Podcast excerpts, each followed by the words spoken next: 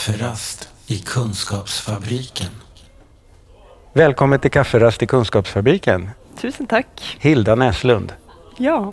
Och det är ingen slump att jag har hamnat hos dig, för vi har träffats vid några tillfällen tidigare. Ehm, och för du forskar här på universitetet i Umeå. ja, men precis. Vad är det du forskar på då? Jag är doktorand i socialt arbete eh, och jag forskar om eh, sociala rörelser på området psykisk ohälsa. Mm.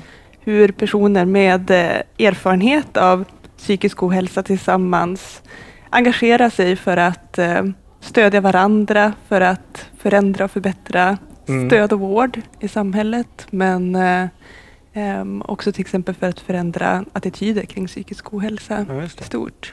Precis sånt som vi gör i NSBH. Ja men precis, man skulle också kunna säga att jag i mitt forskningsprojekt som jag jobbar inom så har vi två som huvudsakliga ben. Där vi dels fokuserar just på brukarföreningar, brukarorganisationer som är en eh, arena för att samlas kring och driva frågor på det här området.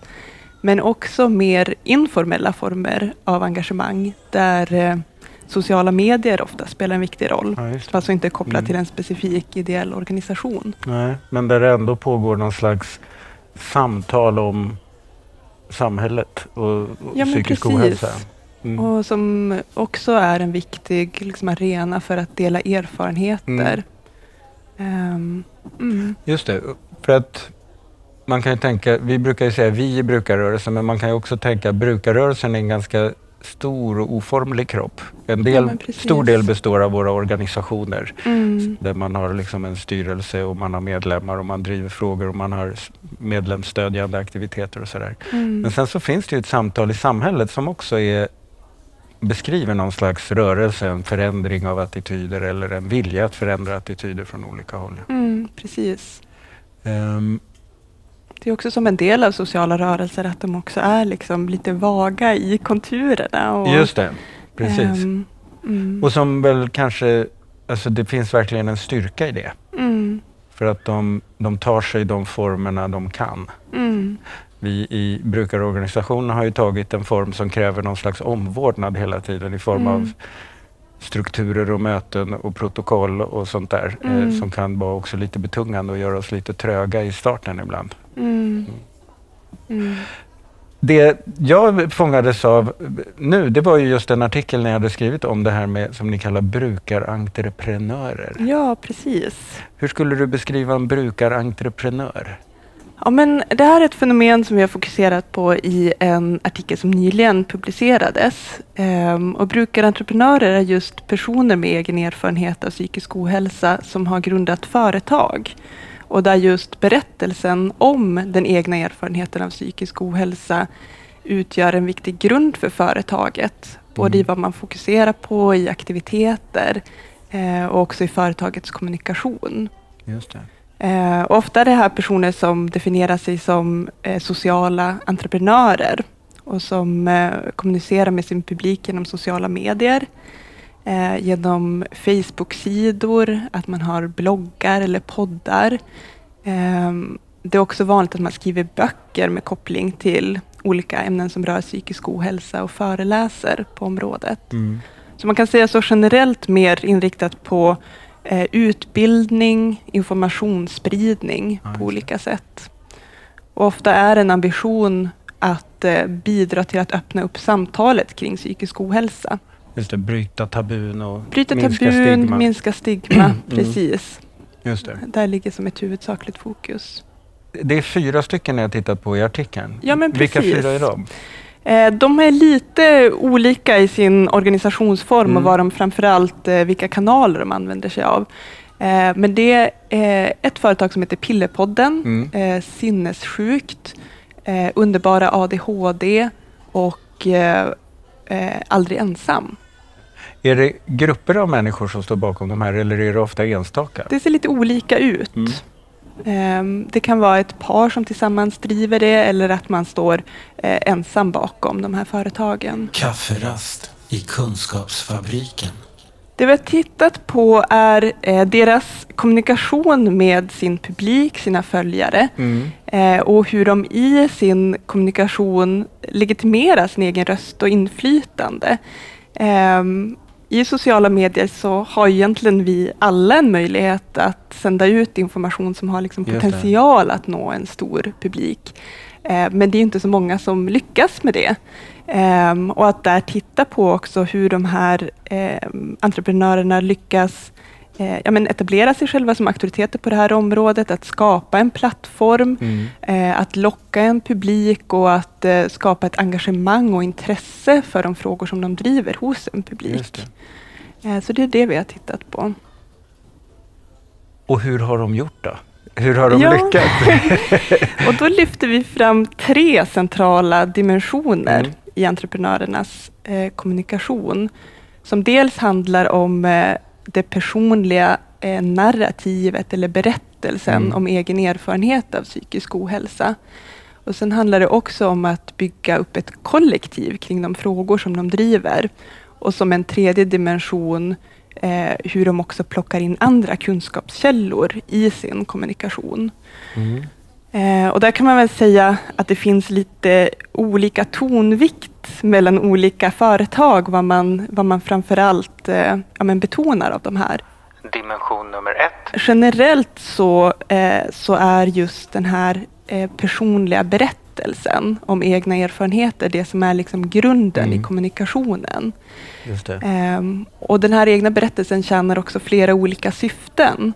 Uh, att det både är någonting som bidrar till att uh, ja, skapa möjlighet till identifikation och uh, hopp eller empatisk igenkänning hos publiken i relation till den här personliga berättelsen.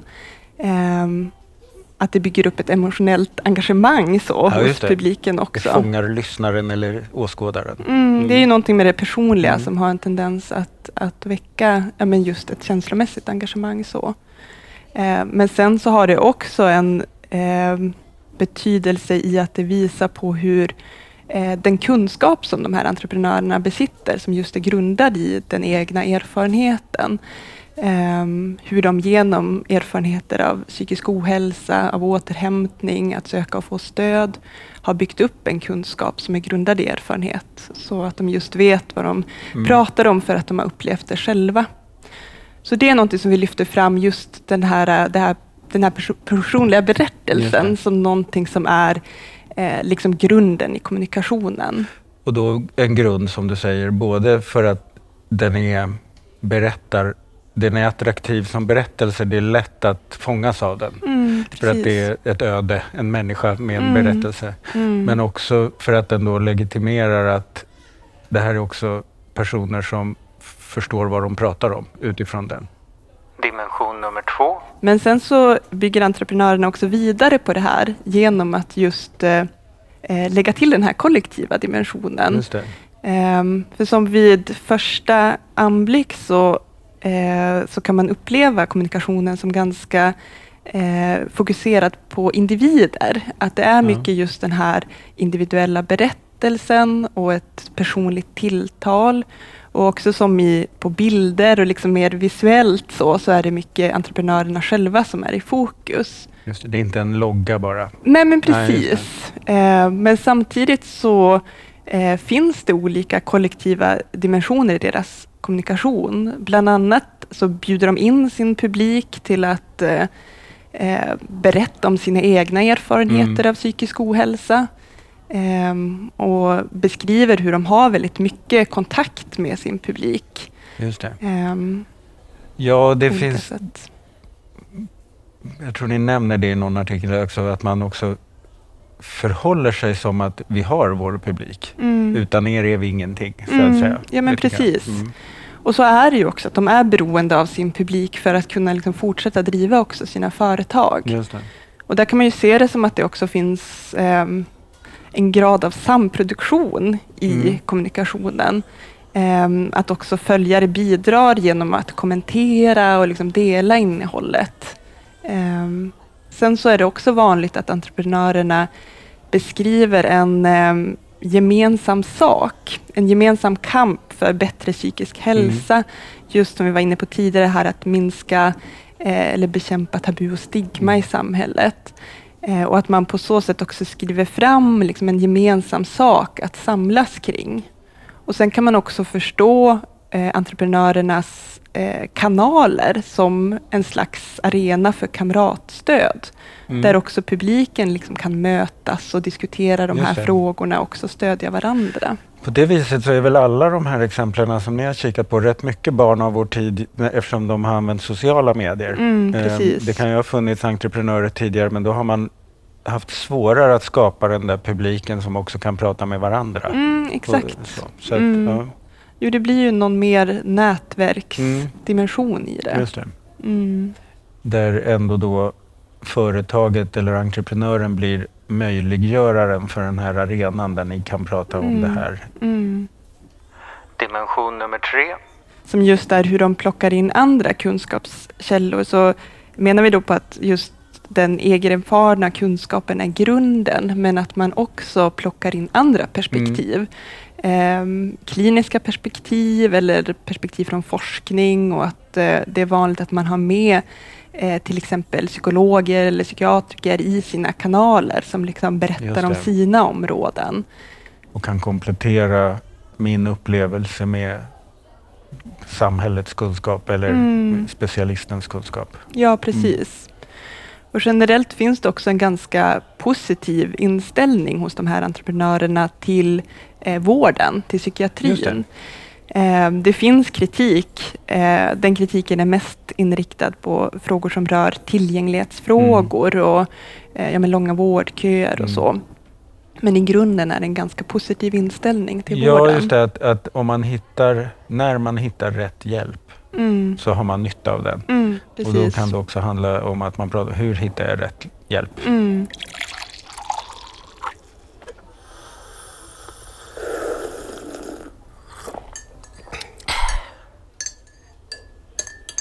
Men sen är det en sak som jag såg i din artikel där som jag tycker är intressant och som Mm. jag tror också gäller oss i organisationerna. Om jag minns den rätt så är det formulerat ungefär att det finns ett behov av att behålla en skörhet. Mm, ja, men precis. Mm. Hur kan du utveckla det lite? Ja, men vi diskuterar det återigen just sådär hur man balanserar mellan Mm. olika delar i kommunikationen. Ehm, och där är liksom den här eh, sårbarheten eller skörheten en del som är viktig för att just skapa det här känslomässiga engagemanget hos publiken. Att just dela erfarenheter av ja, svåra upplevelser eh, som skapar de här känslomässiga pro- processerna. Mm. Eh, men att det här samtidigt också är någonting som ofta hos entreprenörerna balanseras upp med mer lättsamt innehåll. Att man kan Mm. se liksom hur de här båda delarna finns med. Att det finns det här mer, ja, men, mer tunga ämnen som man Mm. berör. Eh, men samtidigt så kan det kanske bli en svårighet om det blir för tungt för publiken.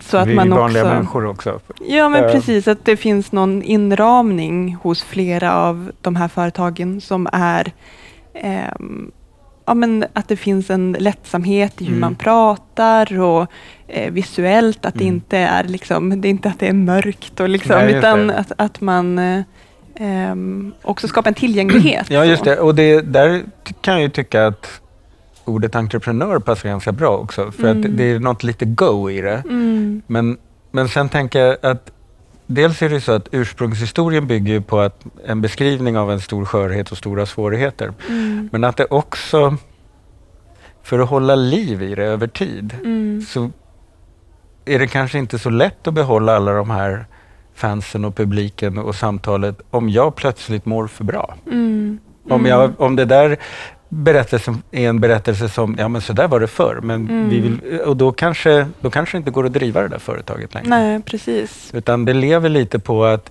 ja, det var en historia förut som fick mig att komma igång med det här, men det är också en historia som jag brottas med fortfarande på något sätt. Mm. Ja, men precis. Och det finns en del av dem som också uttrycker att de diskuterar de här frågorna Ja. också med sin publik. Just det, att idag var det en dålig dag även för Ja, mig. och att det, man också kan diskutera att eh, jag mår ju så bra idag. Mm. Jag skäms nästan för att Ja, jobba med de här frågorna eftersom jag inte är i det här nu. Nej. Eh, så det finns ju som en sån diskussion också som förekommer. Ehm, och det kan ju bli någon slags också autenticitetsfråga där också. Ja, att man, Precis. man just... Har jag kvar den där credden då. Ja, ja. just någon det. Är det jag som ska uttala mig om de här sakerna Mm. trots att min erfarenhet låg så långt tillbaka? Och så är det ju definitivt. Den mekanismen eller komplikationen finns ju i våra föreningars liv och leverne också Mm. eh, när vi är ute. Ehm, där kan ju vi lösa, är väl inte rätt ord, men i och med att vi förhoppningsvis har en tillströmning av nya medlemmar Mm. så har vi en, en levande berättelse i så motto. Men Mm. den behöver inte bygga på några enskilda personers eh, historia utan Mm. en samlad kunskap om hur det är att leva med ohälsa idag. Från mitt håll så låter, är det, får jag liksom vakta mig för jag vill verkligen inte låta raljerande över de här Nej. entreprenörerna. Nej. Men, men de har ett par... Med sin organisationsform och sin kommunikationsform och, Mm. och sådär så har de ju en del fördelar jämfört med, ehm, med våra lite tyngre organisationer. Mm. Å andra sidan så har de ett par andra utmaningar som handlar om att den dagen de inte attraherar längre, då finns de inte. Nej, precis. Det gäller ju förstås våra organisationer också, men vi har en lite annan tröghet i, Mm. även i Men utförsbacken. precis, på, på gott och ont. Liksom, att det, Mm. det finns någon, eh, har jag också liksom hört från andra håll, att man beskriver det som att ja, men föreningarna är mer trögfotade. Mm. Eh, men de är ju också mindre, ja, men om en ensam entreprenör blir sjuk. Då finns, ja just det, eller för sjuk. Ja, det. precis. Ehm, så är det ju en väldigt, ut, väldigt utsatthet i det. Mm. Det. Ehm, så det är väl olika Mm. utmaningar och möjligheter med, med formerna också. Vet vi vad som är bra? Hur vet vi att det blir bättre?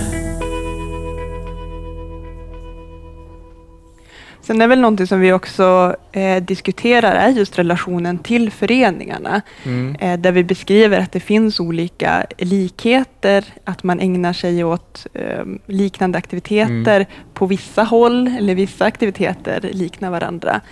Eh, men att man också har just olika organisationsform, att föreningarna genom att de är grundade i demokratiska processer Mm. eh, står för en annan typ av representativitet.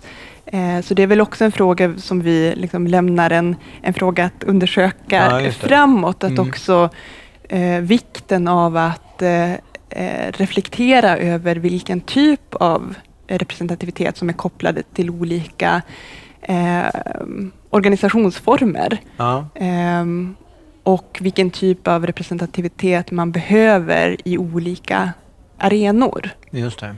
Ehm, mm. Ja, precis för att i vårat, vi som då är intresseorganisationer som du säger med demokratiskt styrda och eh, frammanglade eh, kunskaper. Mm. Ehm, där tänker jag att för oss är det ju viktigt att vi har samhällets öra Mm. eller myndigheternas eller vårdgivarnas så att vi så att säga kan ha en löpande dialog eh, och långsiktig dialog med, med vården och omsorgen och Mm. politiken och sådär. Mm.